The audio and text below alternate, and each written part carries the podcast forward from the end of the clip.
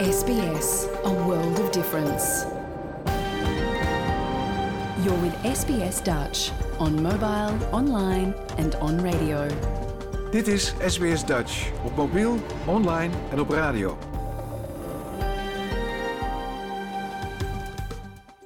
Graag erkennen wij de traditionele eigenaren en verzorgers van het land van waar we vandaag SBS Dutch uitzenden en uiten we ons respect aan de Camaragal mensen van de Kurungay Nation en hun ouderlingen uit het heden en het verleden.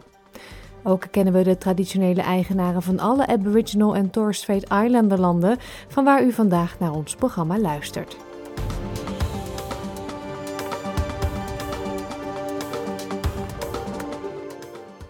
Een hele goede morgen, mijn naam is Paulien Roesink. Welkom bij de laatste aflevering in 2023 van SBS Dutch, het Nederlandstalige radioprogramma van SBS. SBS Dutch is met zomervakantie, maar toch wordt dit een feestelijke afsluiting van het jaar. Uiteraard vervolgen we onze reis door de provincies van Nederland en vandaag stoppen we in Groningen. De les Leer Nederland staat in het teken van oud en nieuw. Nicole Holten van foodblog The Dutch Table deelt het geheim van de beste oliebollen om thuis te bakken. En taalman Frans Hertogs bespreekt het verschil tussen nieuwjaar en een nieuw jaar. Maar we beginnen vandaag voor de verandering eens lekker met muziek. Dit liedje is een echte oorworm en blijft in je hoofd hangen. Excuses daarvoor, maar Dingedong maakt mij ook altijd super vrolijk, dus daarom nu Teach In. We gaan verder met onze reis door Nederland. En hoewel ons moederland eigenlijk niet zo groot is, is het land toch wel verdeeld in 12 provincies. En het verschil tussen die provincies is aanzienlijk, ook al zit er slechts 300 kilometer tussen het noorden en het zuiden van dat land. In onze podcastserie De 12 Provinciën leren we de Nederlandse provincies beter kennen dankzij de verhalen en herinneringen van in Australië woonachtige Nederlanders. En Groningen is vandaag onze volgende halte. Jouw gemeenschap, jouw gesprek, SBS Dutch. Groningen is zowel een stad als een provincie. In totaal wonen er bijna 600.000 mensen in de provincie, waarvan zo'n een derde in de hoofdstad. En dat heeft natuurlijk mede te maken met het grote aantal studenten dat in Groningen stad woont.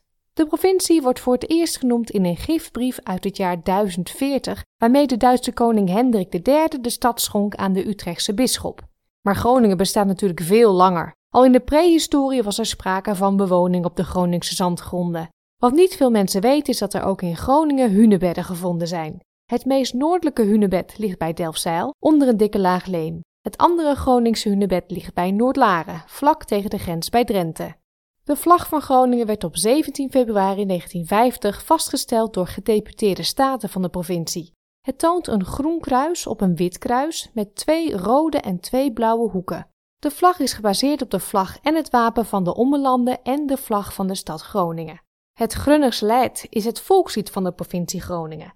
Het lied is in 1919 geschreven door dichter en schrijver Geert Thijs. De muziek is gecomponeerd door G.R. Jager uit Slochteren en gearrangeerd door Friso Molenaar.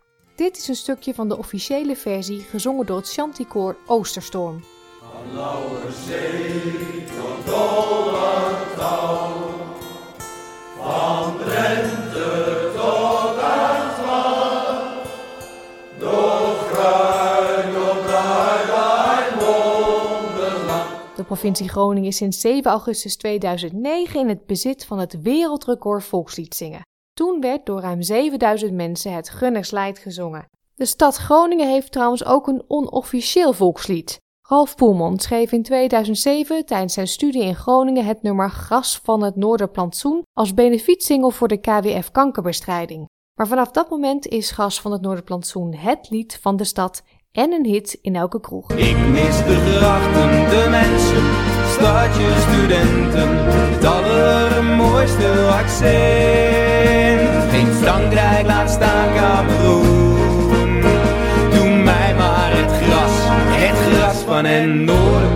Noorderplantsoen. 28 augustus is een belangrijke datum voor de provincie. Op die dag wordt namelijk gevierd dat de stad Groningen in 1672 de belegering door Bernard van Galen, oftewel de bisschop van Münster, heeft doorstaan.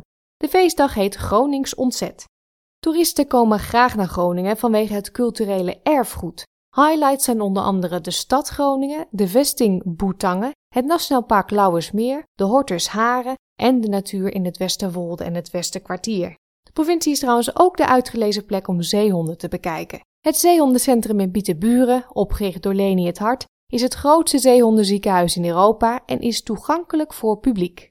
Er komen aardig wat bekende mensen uit de provincie Groningen. Historisch gezien is daar natuurlijk Aletta Jacobs. Zij werd op 27 maart 1871 op 17-jarige leeftijd als eerste vrouw toegelaten tot een universiteit. Alettes vader was huisarts in Sappemeer en ze wilde graag in zijn voetsporen treden. En wat doe je dan? Ja, dan schrijf je een brief aan de minister van Binnenlandse Zaken. En zo werd ze toegelaten tot de Universiteit van Groningen en was ze zeven jaar later de eerste vrouwelijke arts van Nederland. Maar dat was natuurlijk nog niet alles. Alette Jacobs vocht 50 jaar lang voor het algemeen vrouwenkiesrecht. Het werd in 1919 ingevoerd en in 1922 gingen Nederlandse vrouwen voor het eerst stemmen. Andere bekende mensen uit de provincie Groningen zijn de cabaretiers Freek de Jonge en Bert Visser, Viva España-zangeres Imca Marina, de eerste Nederlandse man in de ruimte, Weile Wubbo Okkels, en de bij ons alle bekende ontdekkingsreiziger Abel Tasman, de man waar het eiland Tasmanië naar vernoemd is. Dan een kwestie waar de Groningers al jaren mee worstelen: de aardgaswinning in de provincie. In 1959 wordt een grote gasbel ontdekt bij Slochteren. Een eerste boring bracht in kaart hoe groot het gasveld was. Dit is een stukje uit het Polygoonjournaal uit 1963. De boringen van de Nederlandse aardoliemaatschappij, die in 1960 bij Slochteren op het aardgasreservoir uitkwamen, toonden hoeveelheden aardgas aan waarvan men de omvang onmiddellijk reeds hoog schatte. Later bleek zich onder de vlakke Groningse bodem het grootste tot nu toe in Europa bekende aardgasreservoir te bevinden. In 1986 wordt de provincie opgeschikt door de eerste aardbeving, veroorzaakt door verzakkingen in de ondergrond als gevolg van de gaswinning. In de jaren die volgen vinden meer en meer bevingen plaats en die veroorzaken scheuren in wegen en dijken en schade aan huizen, boerderijen en andere gebouwen. Dit is de kleier van het Groninger bodembeweging. We hebben in dit gebied nu 76.000 schademeldingen over huizen. Er zijn 100 mensen wiens huis afgebroken is omdat het vernietigd was door de aardbevingen. Er zijn 30 mens, gezinnen acuut hun huis uitgezet. En dat er 4000 mensen met psychische klachten zijn door de dreiging en de aardbevinggedoe. Dat is het probleem in dit gebied. En het massale probleem wat er nog bij komt is dat er geen uitzicht geboden wordt hoe gaan we dit aanpakken. Het heeft helaas lang geduurd voordat de verantwoordelijke politici in Den Haag overtuigd waren van de ernst van de zaak. Maar inmiddels is er een gasdeal. Dit houdt in dat aardgaswinning in Groningen wordt afgebouwd en in 2030 helemaal zal stoppen. Goed, tijd om de Groningers zelf aan het woord te laten. Hoe omschrijven zij hun provincie? Er zijn een aantal dingen die, die naar voren komen. Dat zou zijn stad en omlanden, een veelzijdige provincie, nuchter, eigenzinnig, dreuge gronniges, gas, edestaal, metinitor. De ruimte, de, de prachtige, statige herenhuizen. Het is een vrij rustige provincie, maar je hebt wel um, echt wel een hele leuke stad in de buurt. De stad Groningen heeft eigenlijk alles wat je nodig hebt, vind ik. De provincie zelf, denk ik, of, of grote landerijen en ruimte en um, space, dat, uh, dat vind ik gewoon heel erg mooi van Groningen. Want er, er zijn in principe heel weinig mensen. Vergeleken met waar we nu wonen uh, in Perth en in andere um, steden waar ik heb gewoond. Dus ja, het is gewoon de openheid van, uh, van het landschap. Vind ik gewoon hartstikke mooi. De slogan van de provincie Groningen is al jaren: Er gaat niets boven Groningen. Greetje Sluiter komt van oorsprong uit Vlagtwedde, maar woont nu al meer dan 20 jaar in Millgrove, in de Upper Yarra Valley in Victoria. Wat maakt Groningen voor haar zo bijzonder? Groningen heeft het meest noordelijkste puntje van Nederland. Aan het vasteland noemen ze de Noordkaap, net als uh, in Noorwegen. En uh, dat is een, een, plek waar je aan zee staat en, en helemaal over de wadden kijkt en uh, ruim zicht hebt op de natuur en op het niets. Dan kun je helemaal jezelf zijn. Maar ook de gaswinning is iets wat Groningen onderscheidt van andere provincies. Ja, dat heeft natuurlijk een hele grote invloed gehad op Groningen, maar ook op de rest van Nederland. Want tot dan werd er geen gas gebruikt in Nederland. En het Groningse gas heeft een uh, grote vooruitgang gebracht voor de rest van Nederland. In, in mijn view, uh, Groningen, Drenthe, Friesland is allemaal een beetje uh, gelijk. In dat zin dat er heel veel ruimte is En die andere is toch heel veel verkeer, er is veel mensen, heel veel fietsers. En je voelt gewoon, er is altijd mensen om je heen. Ja, het is gewoon wat vrijer, het is wat, wat uh, minder gejaagd, ja, wat rustiger. Um, niet iedereen hoeft ergens te zijn op een bepaalde tijdstip. Dus je, staat niet, uh, je, je leeft niet echt langs de klok. Ja, je hebt wel echt kleinere dorpen. Nou, Veendam is dan nog niet eens zo heel erg klein. Mensen groeten elkaar op straat, je kent elkaar. Um, je kent je buren, je groet je buren ook. Dat is hier wel wat minder omdat je er zelf opgegroeid bent. Het is de ruimte natuurlijk toch vergeleken bij uh, de andere provincies. Dus niet vergeleken bij Australië, maar vergeleken bij de andere provincies is er nog zoveel ruimte. Dat was Harma Peper uit Veendam. In 1985 verhuisde ze naar Fern Tree Gully in de Victoriaanse Dandenongs, waar ze nog altijd woont. Hoe omschrijft zij de typische Groninger? Je bent een echte Groninger, vind ik, als je het dialect kunt uh, spreken. Ik hoor gelijk aan mensen of ze uit het westen komen of uit het noorden. Dat horen ze ook aan mij natuurlijk, hoe ik ook mijn best doe. Maar ik, ga, ik ben natuurlijk wel die, uh, dat lopen en kijken. En dat probeer ik dus niet te zeggen. Maar dat, uh, ja, dat, dat, soms dan slip je daar gewoon in. Vooral omdat wij beiden natuurlijk van Groningen komen. Ja, je, dat, dat vind ik eigenlijk een echte Groninger. En vroeger hadden de Groningers de naam dat we allemaal zo stug zijn in Groningen. En heb hier wel eens meegemaakt dat ze aan mij vroegen: Oh, oh kom je uit Groningen? Oh, wonen daar ook leuke mensen? Zo van vlotte mensen. Ik zei: Nee, die wonen nu allemaal in Australië, daar hoor ik bij. Weet je wel, we hebben dus gewoon de naam de stugge Groningers. Als ze het met één woord kunnen zeggen, dan uh, gebruiken ze geen uh, drie. Maar ik denk dat dat allemaal een beetje achterhaald is eigenlijk wel al door onze generatie, mijn generatie van de, de babyboomers. En uh, dit gaat meer over mijn ouders en mijn grootouders en mijn overgrootouders, denk ik. Een Groningen die, um, die, die heeft zijn eigen ideeën en daar houdt hij zich ook aan. En, en er bent stiefkom, Groningen stiefkom. Ja, die hebben iets in het hoofd en dat gaat gebeuren. En dan kun je lang praten, kort praten, maar hij blijft bij zijn standpunt en, en dat is hoe het is. En, en daar houdt hij zich aan. En ook als hij iets wil doen, is het ook heel vaak van, van doorzetten. Ik heb nu gezegd dat ik het ga doen en dan ga ik het doen ook. Als je, als je de echte Groninger vraagt van uh, zing je volkslied, dan kan hij dat zo zingen. Het, het, is een volkslied dat is ook in, in de eigen taal, dus in, het, in, de, in de Groningse taal. En um, iedereen kent het. We het op school, we, in mijn tijd, toen ik naar school ging, dan praten we een paar jaren terug nou, dat was in in de jaren 60, 70, leerden we zelfs nog de, de streekvolksliederen. Dus ik ken ook het Beste volkslied en zelfs het Vlachtwedder volkslied. Ja, ik denk, nou ja, Nederlanders zijn denk ik sowieso wel vrij nuchter. Als je dat nou, uh, nou ja, ook een beetje merkt in Australië, hoe er naar Nederlanders wordt gekeken. Maar ik denk dat de Groningers daar uh, qua Nederlanders ook nog wel uh, het meest nuchter misschien wel zijn. En uh, ja, ik denk een echte Groningen is, nou ja, kalm, eerlijk, zegt wat hij vindt. En doe maar gewoon normaal. Een beetje, ja, ik weet niet of ik dat zo moet zeggen. Misschien een beetje het, toch het, boerse, het dorpse. Niemand, uh, je doet je niet zo snel voor, anders voor dan dat je bent.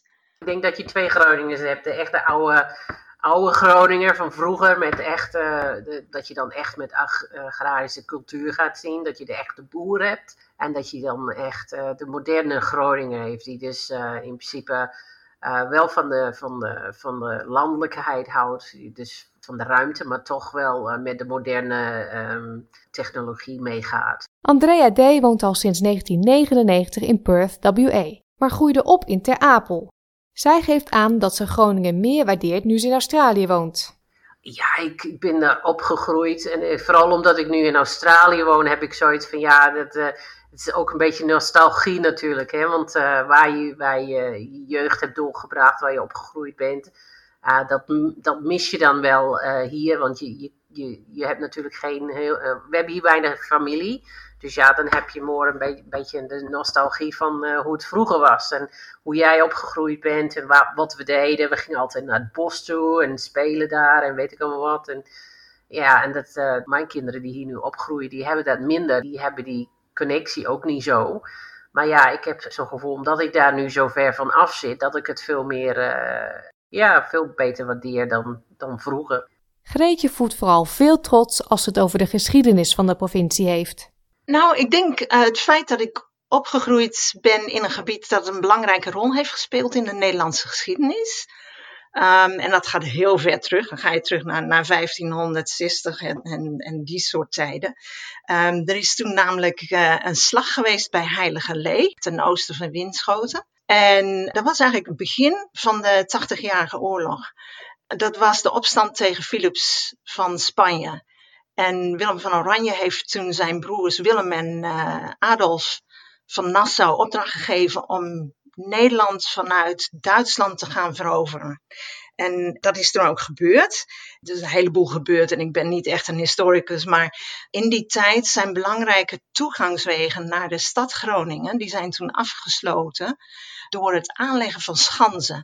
Een van de hele bekende schansen is, is Boetangen aan de Duitse grens. En later werden ook oude schansen, nieuwe schans als schansen opgeworpen als verstevigingen, zeg maar, in het landschap.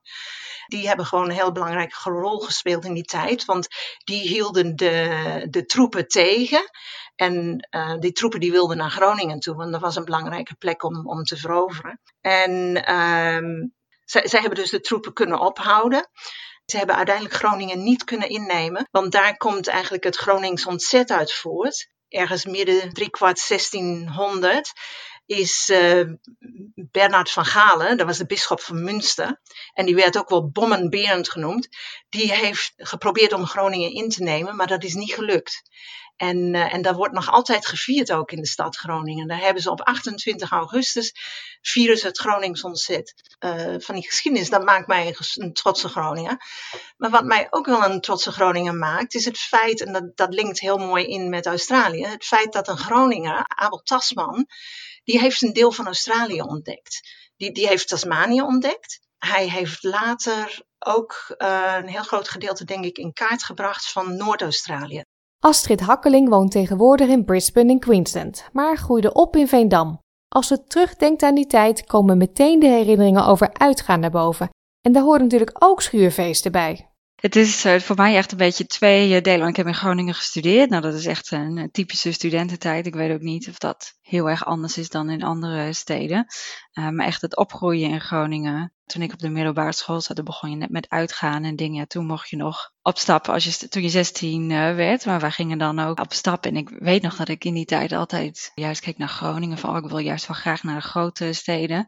Maar eigenlijk was het uh, juist wel heel erg leuk dat je gewoon naar die kleinere kroegen gaat met je vriendinnen op de fiets. En je komt daar en je kent dan eigenlijk ook bijna iedereen wel weer. Want iedereen gaat naar dezelfde plekken. Um, en als schuurfeesten hadden wij ook. Mensen denken wel vaak dat iedereen uh, boer is of een boerderij woont. Nou, dat is helemaal niet zo. Maar dat zijn natuurlijk wel mensen die uh, een boerderij hebben. En uh, daar zit dan een hele grote schuur bij. En dat kun je heel makkelijk ombouwen tot iets, tot een feestzaal. En nou ja, het was eigenlijk gewoon een kroeg, maar dan bij iemand thuis. En alle eten en drinken werd dan ook uh, volgens mij gewoon geregeld. Daar hoefden we niet eens uh, iets aan mee te nemen. Maar het was gewoon uh, uitgaan in plaats van in de kroeg. Nou, een schuurfeest. Ja, als ik daar nu naar terugkijk, dan denk ik dat was toch eigenlijk wel heel erg leuk. Ook Harma heeft mooie herinneringen aan haar jeugd. Ik was lucky. Ik woonde niet te ver van school. Maar ik ging op de fiets, ja, niet door de weilanden, gewoon over de weg. Zwinters op de schaats. En op school werd geen Gronings ge gesproken, op school sprak je Nederlands. Ik deed leuke dingen met mijn vriendinnen, goede herinneringen. Het was allemaal, uh, ja, ik, ik, ben natuurlijk van 51, dus ik was in de 60s, was ik 15, 16 jaar. We hebben ontzettende fijne jeugd gehad, ja, altijd lekker. Ik had een brommetje en de soos. Ja, er kwamen van die, van die beat uh, groepjes en we hadden altijd de oktoberfeesten, kan ik, ook, kan ik me ook nog herinneren, oktoberfeesten in in Veendam. En daar kwamen de zomaar groepen uit het, uh, uit het westen, weet je wel. Uh, Q65 en de Golden Earring. Nou, daar waren we natuurlijk helemaal te dol. En we hadden natuurlijk onze eigen groep, QB and the Blizzards. Daar is Herman Brood altijd, was pianist daarbij vroeger. En dat is dus echt een, een ja, groep uit het noorden die wij eigenlijk altijd uh, volgden als ze dan uh, bij ons in de buurt waren. Ja, dan, en die, die zijn ook wel eens op de soos geweest, maar die gingen meer in andere Hotel Parkzicht in Veendam had, had ook zoiets waar ze dan op, op zondagmiddag uh, optraden. Andrea speelde vroeger graag in de sneeuw. Ik heb wel nu het, het idee dat de winters niet meer zo zijn zoals wij toen zijn opgegroeid in de jaren 70, 80 Maar ja, we hadden een heel groot grasveld voor thuis. En we gingen altijd, ehm, wanneer de sneeuw was, we gingen er altijd van die um, forten bouwen. En dan gingen we ehm, met, uh, met z'n allen achter die grote sneeuwbalfort gingen we dan bouwen. En dan gingen we echt flink uh, sneeuwballen gooien aan, elkaar. En ja, gewoon het idee dat je gewoon de hele dag buiten bent. Je bent hartstikke nat van de sneeuw. Maar je ging niet naar binnen, want dan zou je wat, uh, wat kunnen missen. En van de winter naar de zomer, want als het maar even kon, lag Greetje de hele dag in het zwembad. Vlachtwedde had een prachtig zwembad, heel groot. Het was een natuurbad, dus je kon de bodem niet zien. Het was een zandbodem. Maar het was wel helemaal gemaakt van beton. Dus eh, het was als een gewoon zwembad. En uh, het was natuurlijk een, een buitenbad. Want ja, binnenbaden had je toen nog niet. En uh, ja, als het mooi weer was in de zomer, dan was het uh, smiddags na het eten. Warm eten trouwens, hè. Tussen de middag was altijd warm eten. En dan na het eten op de fiets naar het zwembad. En dan de hele middag zwemmen. En dan kwam je om zes uur thuis. Ja, dat was gewoon een hele leuke tijd. En, en het mooiste was, als het 18 graden was, het, uh, zwembadwater, dan stonden we al te juichen. Want jee, het is 18 graden, geweldig. Ja, daar kun je je nou niks bij voorstellen, want het is ijskoud hoor. maar als kind, als kind vind je dat prima. Mooi om al die jeugdherinneringen te horen. Maar we zijn hiermee aan het einde gekomen van deze aflevering van de 12 provinciën over Groningen. We stoppen er uiteraard niet mee voordat we muziek uit de provincie gedraaid hebben. We sluiten af met een van de bekendste liedjes van de Groningse volkszanger Ede Stijl. Dit is Mijn Toentje. Mijn Toentje. Wijkschilderboom, die kwam zo slecht op. En de sputters vreden op. Mijn vrouwen stonden en die sloot schud al deur. Als zo deur gaat, dan wordt dat een strop. Mommy toentje, mommy toentje, ja daar mis ik nooit geen. Er is altijd die verdosie voor mij. Mijn wijkschilderboom, die kwam zo slecht op. En de sputters vreden binnen op. Wat is mooier dan een hoeske met een mooi lapje grond? Wat is beter dan de kunstmis? Ja, daar wou die daar stront. Van een peer en een kou, bij mijn ook de beer. En als wie omsneden, ja, dan zong wie maar weer. Mijn wijkschilderboom, die komt zo slecht op. En de sputters vreden binnen op.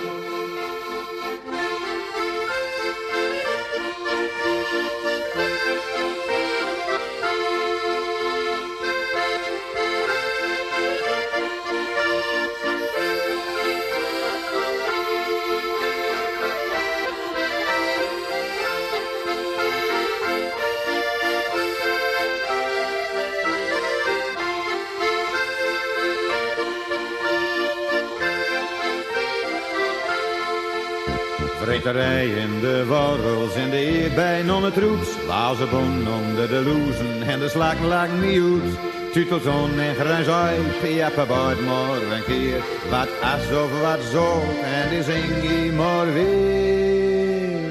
Mijn die kwam zo slecht op. En de sputters vreden binnen op.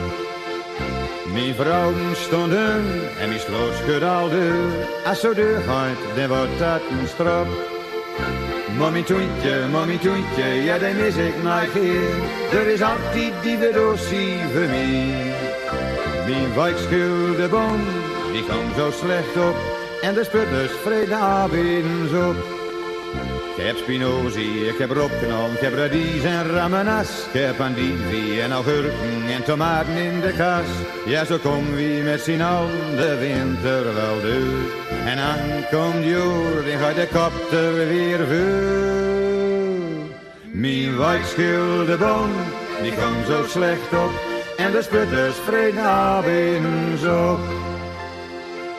Ga voor meer podcasts over de Nederlandse provincies naar onze website www.sbs.com/dutch of zoek ons op in je favoriete podcastplayer.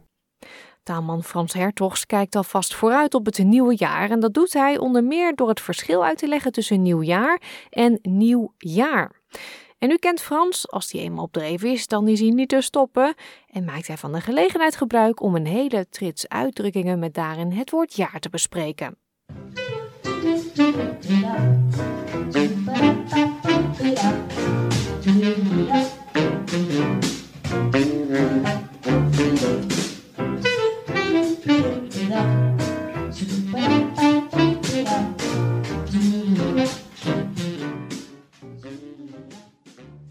Nieuwjaar en een nieuwjaar.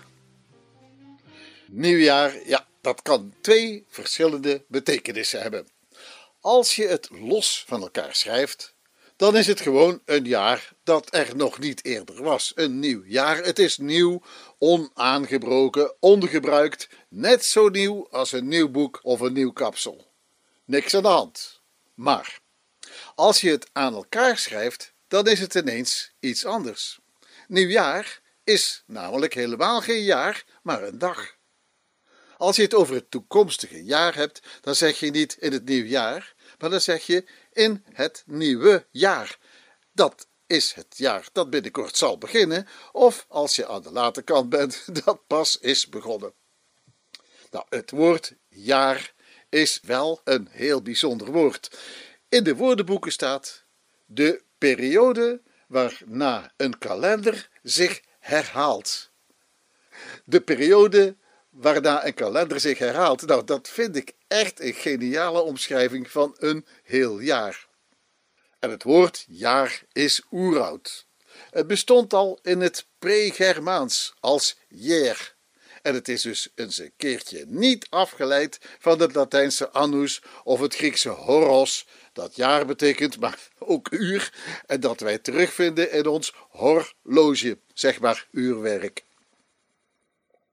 En die afkomst van het oeroude Pregermaans heeft nog een mooi staartje. Want zo'n stokoud woord, dat laat zich soms eenvoudig niet in het meervoud zetten. Je zegt bijvoorbeeld niet, hij heeft drie jaren thuis gewoond. Nee, je zegt, hij heeft drie jaar thuis gewoond. In het enkelvoud. En zo zeg je ook altijd een paar jaar, maar ook vele jaren. En dat alles sinds jaar en dag in het enkelvoud. Nou, een romanticus zou zeggen dat het een woord is met nog steeds uh, adellijke privileges. Ja, want ook de combinatie van nieuw en jaar is wel een beetje raar, hè? Het bijvoeglijk naamwoord nieuw is gewoon vastgeplakt aan jaar. Dat verschijnsel komt voor bij maar heel erg weinig woorden. Er bestaat geen nieuw maand, of nieuw week, of nieuw dag. Ja, bij, bij de plaatsnamen is dat aanplakken van nieuw heel gewoon. Kijk maar naar uh, Nieuwkoop en Nieuwpoort. En als het niet meteen lekker aan elkaar plakt, dan zetten we er een verbindingsstreepje tussen, zoals bijvoorbeeld in Nieuw-Zeeland. Nou, de eerste dag van het nieuwe jaar heeft dus een eigen naam. Nieuwjaar. En dus zou je nieuwjaar eigenlijk met een hoofdletter moeten schrijven. Nou, we hebben aardig wat spreekwoorden en gezegden met jaar hoor. Een, een flink deel heeft dan met leeftijd en ouder worden te maken. De jaren des onderscheids. En het verstand komt met de jaren. En de jaren beginnen te tellen op jaren komen. Ja, dat zijn hele mooie voorbeelden daarvan. En we kennen ook nog de zeven vette en de zeven magere jaren. Jaar in, jaar uit. Maar mijn favoriet is wel het jaar nul. En dat betekent dat iets zo totaal ouderwets is, achterhaald uit de mode, dat het gewoon niet meer kan. Zeg maar uit het jaar nul. Maar ik vind deze ook wel heel sympathiek. Elke dag een draadje is een hemdsmouw in een jaar. Ja, je ziet hier de volharding en noeste ijver die elke dag weer wordt aangesproken om telkens één enkel draadje aan een toekomstig hemsmouw toe te voegen. En om je dan de immense voldoening voor te stellen wanneer op het einde van een jaar lang draadjes naaien, tenslotte in en in te mogen genieten. Nee, niet van een heel hemd, maar dan toch van, van een zelf aan elkaar genaaid mouwtje. en volgend jaar het andere. Het zijn deugden die wij langzamerhand dreigen kwijt te raken. Nou, en die kunnen dan toch nog mooi dienen als perfecte goede voornemens voor heel het nieuwe jaar. Ik dank u wel. Altijd interessant om van taalman Frans te horen. En nu we dan toch bezig zijn met de Nederlandse taal, kunnen we net zo goed verder gaan met onze serie Leer Nederlands. Vandaag bespreekt Joyce Diebels van Dutch with Joyce het thema oud en nieuw, inclusief oliebollen en vuurwerk.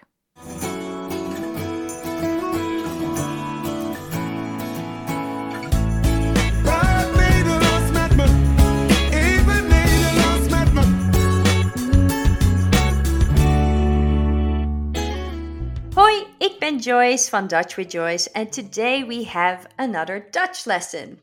With the year coming to an end, it is time to discuss New Year's Eve.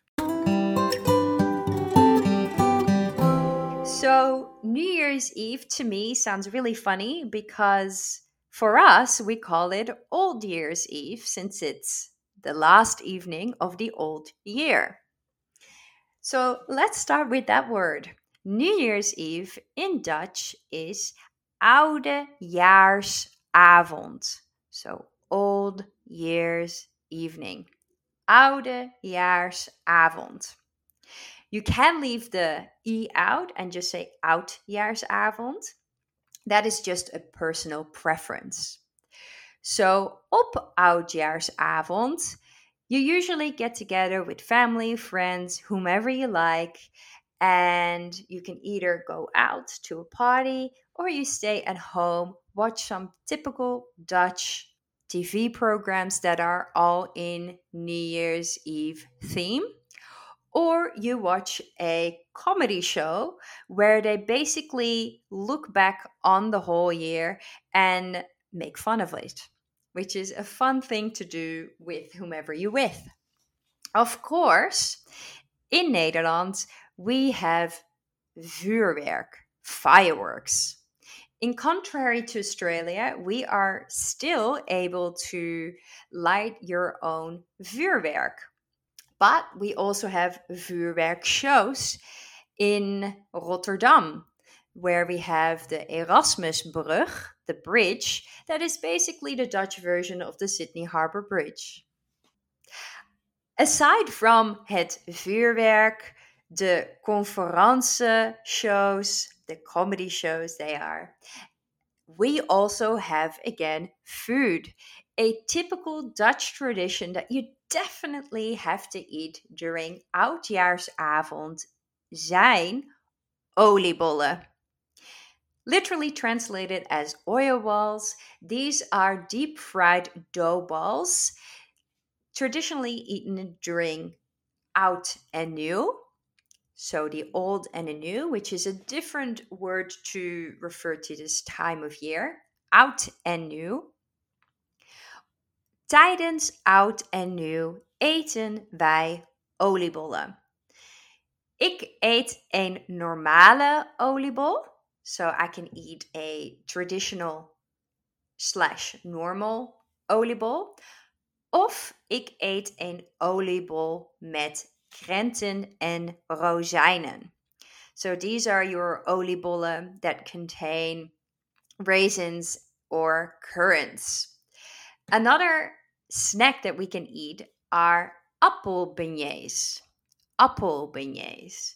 These are like sliced apple and you also deep fry them and they kind of become a apple donut so a little apple donut that you deep fry.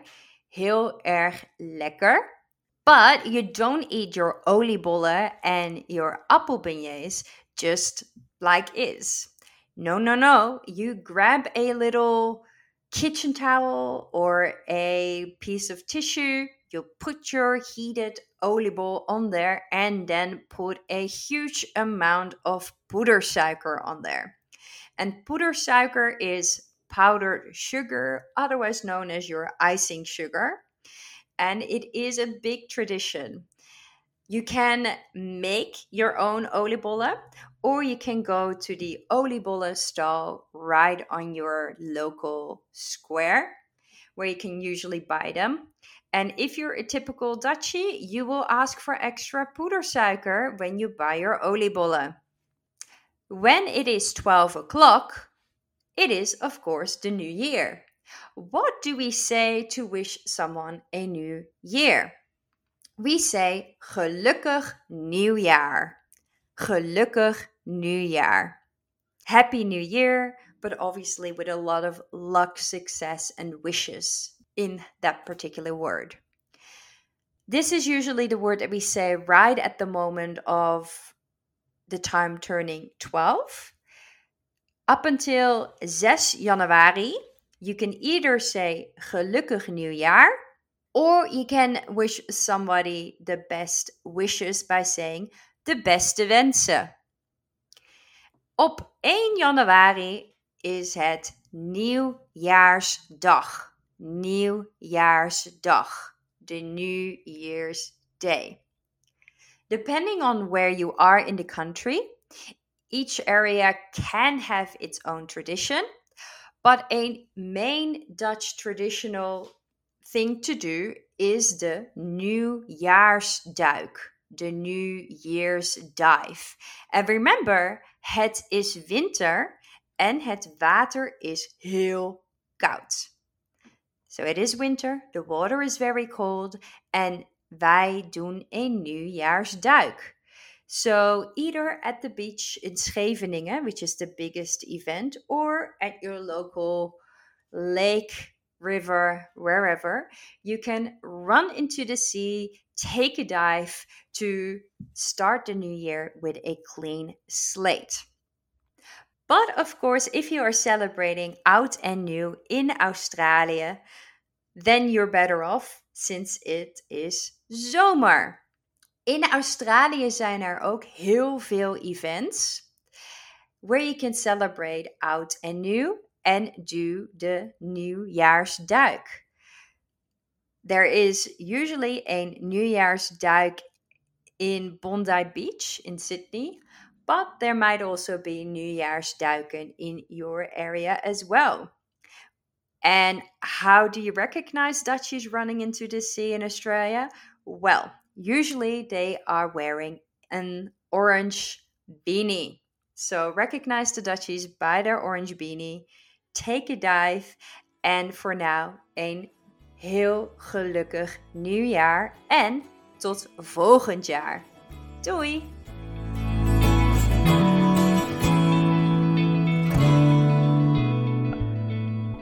Heeft u nou enorm veel trek gekregen in oliebollen? Blijf dan vooral lekker luisteren, want zo dadelijk deelt Nicole Holten haar recept voor de knapperigste goudbruine oliebollen. Maar eerst muziek, dit is Guus Meeuwis met Proosten. U hoorde het zojuist ook al in de miniles Nederlands. Tijdens Oud en Nieuw zijn er echte oer-Hollandse tradities als het om eten gaat. Dan hebben we het natuurlijk over oliebollen en appelbeignets. En eigenlijk zijn die reuze makkelijk zelf te maken. Nicole Holte van de Dutch Table vertelt daarom hoe je die knapperige goudbruine oliebollen en appelbeignets zelf kunt maken. Nicole, nieuwjaarsdag komt eraan, hè? Ja, en je weet wel wat dat betekent. Ja, oliebollen bakken. Oliebollen bakken, altijd. Oliebollen, appelbeignets of appelflappen, ligt eraan waar je mee opgegroeid bent. Berlinerbollen, oh, alles mag in het vet op nieuwjaar. De, de rest, het hele jaar door zijn we voorzichtig met hoe we eten, maar we zingen het einde van het jaar uit met echt uh, alleen maar gefrituurd eten. Maar ja, dat mag hè. Maak jij zelf oliebollen in Amerika? Ja, natuurlijk. En wat vindt jouw familie daarvan? Want die zijn niet Nederlands. Die zijn niet Nederlands, maar oliebollen zien ze erg zitten. ja, dat zien ze erg zitten. Ik doe uh, de gewone, alleen meel. En dan heb ik er nog eentje met appeltjes en uh, rozijnen. En dan gaat er een heel klein scheutje rum doorheen. Oh, en die ja. zijn ook erg populair. Maar het is uh, echt super gemakkelijk te maken. Ik hoor altijd dat mensen zeggen van nou, ik heb mijn pak uh, oliebollenmix klaar. En dan, dan denk ik altijd van ja, maar het enige wat erin zit is meel. Dus je kunt ze gewoon net zo gemakkelijk zelf maken. Wat zit erin? Meel, een eitje, wat olie, droge vruchtjes, misschien een beetje vanille. Ja, veel meer is het niet. Je moet je frituurpannetje warm hebben. Ja. Reizen van het meel is natuurlijk nog wel eens een uitdaging. Ja, dat is belangrijk. En dat kan, als het koud is, kan dat nog wel eens een beetje problemen geven. Want je gebruikt natuurlijk wel gist. kijk, bij jullie als het lekker warm is, dan zal dat, eh, dan zal dat gemakkelijk gaan. Hier is het wat moeilijker. Dus dan staat ook meestal de emmer, emmer met beslag, staat in de huiskamer. Met een theedoek eroverheen, zodat het goed kan reizen. Dat is inderdaad belangrijk. Als het niet goed gerezen is, dan krijg je van die hele harde knikkers. Nou, dat is geen goede manier om het jaar uit te vieren. Nee. En hoe maak je dan de bolletjes? Gebruik je daar een ijsschep voor of eh, gewoon twee lepels? Het ligt eraan wat ik, eh, waar ik het eerste naar grijp. Eh, ik heb zo'n ijsstang. Zo'n ijsbolletjesstang, die gebruik ik. Maar soms doe ik het ook gewoon met twee lepels. En dan wel altijd eerst even in de olie dopen. Zodat het beslag niet aan de lepel of aan de ijsstang blijft kleven. Want als je dan boven dat hete vet staat en, en je probeert dat deeg eraf te slaan, dat is geen goed idee. Dus Nou, daarom hebben die van mij altijd een beetje van die uitsteekseltjes. Want dan vallen ze nog net, blijven ze een beetje plakken en dan woep, valt het in het olie. En dan heeft hij een uitsteekseltje. Maar daar kan je ze heel makkelijk aan vasthouden. Heeft ook zijn charme. juist, en dat is lekker knapperig natuurlijk. Dus dat is, eh, dat is geen probleem. Ja. En hoeveel tegelijk in een frituurpan? Eh, kan ook een pan op olie, hè? Op het vuur Ja, zijn ook, natuurlijk. ja. Ze moeten ruim voldoende plaats hebben om te kunnen zwemmen. Drie, vier? Ja, ligt aan de pan. Ja. Dus kijk maar als er genoeg, dat ze allemaal een beetje ruimte om zich heen hebben. En liever iets langer dat je staat te bakken dan dat je er te veel in gooit. Want dan koelt het vet natuurlijk af en dan krijg je ze nooit, eh, nooit mooi gaar. Nee. Dan beginnen ze dat vet op te zuigen. En dat wil je juist niet hebben. Nee, dan heb je van die sponsen die je kan uitknijpen. Ja, dat is niet lekker, inderdaad. Dat valt zwaar op de maag. Ja, eh, appelflappen, ook een dingetje natuurlijk. Hoe maak je die? Nou, ligt eraan wat je bedoelt met appelflappen. Ik heb dus, dat is altijd een discussie op de website ieder jaar. Ehm, appelflappen en appelbeignets. Ah. Dus Ik bedoel niet de Ik ken ze als appelflappel appel- met, eh, met een deeg en daar zie je appel en een beetje suiker. Dat bedoel ik niet. Ik bedoel die, die gewoon je appeltje in schijfjes. Die haal je door wat... eh, maar dat noem ik toch een appelflap, sorry. Dus de appelbeignet, appelflap. Ja. Dat zijn dus, ehm, pak een stevige, een iets wat zure appel. Schijfjes, pour dan het klokhuis eruit, zodat je een mooi gaatje in het midden hebt. Even droogdeppen, een beetje kaneel eroverheen. En dan haal je ze door het beslag en dan vis je ze eruit met de steel van een potlepel. Even aftikken tegen de kom, zodat het overtollige beslag afgaat. En dan kun je ze zo aan die houten lepel zo in het hete vet laten glijden. Mhm. Dat is het makkelijkste. Je zei een zure, stevige appel. Ja. Is dan zo'n eh, zo'n hele groene, die ehm, Granny, is dat een eh, Granny Smith appel? Of heb je een naam, soort? Een Granny is een goede, Pink Ladies, eh Fuji's. Maar kijk even dat het geen appel is die tot moes kookt. Want natuurlijk, als hij het heet, eh, als hij het hete... Dan vind je iets nieuws gaat- huis. Dan heb je de appelmoes beignet. De appel, ja. nou, wie weet. Laat me weten hoe het gaat. Het lijkt me dat dat zo'n dingetje wordt als een, eh als een eh kaassoufflé. Dat je dan heel erg je mond brandt. Ja, ja, maar misschien is het wel heel erg lekker, wie weet. Ja, een, een Nou. beetje een nieuwe draai eraan geven. Hè? Ik laat het me graag vertellen. Een ander ding die ik nooit eet met nieuwjaar, maar die jij wel noemde, zijn die donutachtige bollen. Ja, Berliner bollen. Die bedoel ik. Dus inderdaad gewoon gemaakt van donutdeeg. Maar dan gevuld met abrikozen of frambozenjam.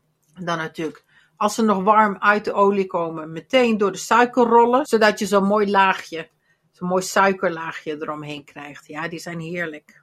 En maak jij dan de eh, jam ook zelf? Of kan je cheaten? Dat, daar cheat ik mee. Neem inderdaad abrikozenjam gewoon uit een potje of frambozenjam gewoon uit een potje. Maar dat is fijn om te En ik weten. sta al de hele dag in de keuken. Precies. En eh, het is soms wel leuk, hè? vooral de tijd van het jaar. Dan heb je, als je naar de Nederlandse radio wil luisteren online, kan je naar een top 2000 eh, luisteren. Volgens mij is dat een traditie voor heel veel mensen. Oliebollen bakken met de top 2000 op de achtergrond. Maar ja, je moet ook nog een beetje kunnen genieten van de dag natuurlijk. Zo is het.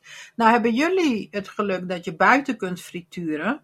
Anders ruikt het hele huis binnen. Wat ik dan altijd aanraad is om even een pannetje met water en azijn, gelijk hoeveelheden, gewoon achter op het fornuis een beetje mee laten pruttelen. Dat haalt een heleboel al van die geur weg. Oh, goede tip. Dus laat het je er niet van weerhouden om toch nog eens een paar oliebolletjes te bakken als je binnen zit. Ik heb ook nog een tip, want heel vaak heb je oliebollen over natuurlijk, de dag daarna of zo. En wat ik echt niet lekker vind om ze dan in de magnetron te gooien, want dan willen we wel. In de airfryer, als je ze daar een paar minuten in doet, zijn ze weer helemaal knapperig. Dat is inderdaad een goede tip, maar die ga ik onthouden. Want ik heb precies hetzelfde, dus ja, als ze dan zo fladderig worden in de, in de microwave, vind ik niet lekker. Of, als je geen airfryer hebt, kun je ze natuurlijk ook gebruiken om broodpudding van te maken. Oh, dat is ook weer iets. Dat ken ik dan ook weer niet. Want we gooien niks weg, hè? Tuurlijk niet, zeker niet. Zo uh, vries ik ze altijd in en dan heb ik een paar maanden later in één keer nog oliebollen. Die gooi ik dan dus in de, in de airfryer. Denk, nou, ik heb zin in een oliebol, ook al is het juli. Dan is het hier een beetje winters natuurlijk. Vieren we wel eens Christmas in July met vrienden. En dan heb ik een oliebolletje erbij. Ik vind het een geweldig idee. Ik denk dat er geen excuus meer is voor een luisteraar die oliebollen wil om ze niet zelf te bakken. Wat denk jij? We hebben Zo heel veel tips gegeven. En volgens mij zijn ze gewoon het allerlekkerste als je ze zelf bakt. Zo is het. Dankjewel, Nicole. En eh, gelukkig nieuwjaar alvast. Gelukkig nieuwjaar en de beste wensen.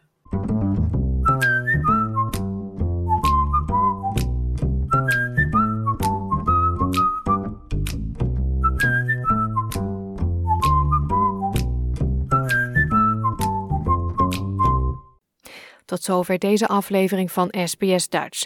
Al onze afleveringen en series zijn terug te luisteren op onze website www.sbs.com.au Dutch. Of u kunt de gratis SBS Audio app downloaden. Dit kan in Google Play of in de App Store. We zijn ook te volgen op Facebook. Zoek op SBS Dutch of ga naar facebook.com slash sbsdutch. Like, reageer en blijf op de hoogte. Dit was de laatste uitzending van 2023 en ik wil van deze gelegenheid gebruik maken om u enorm te bedanken voor uw gezelligheid dit jaar. En ik hoop natuurlijk van harte dat u in het nieuwe jaar naar SBS Dutch blijft luisteren en vertel ook anderen van ons bestaan. Wilt u voor oud en nieuw zelf oliebollen of appelbeignets bakken? Vergeet dan niet naar onze website te gaan voor het recept van Nicole van de Dutch Table.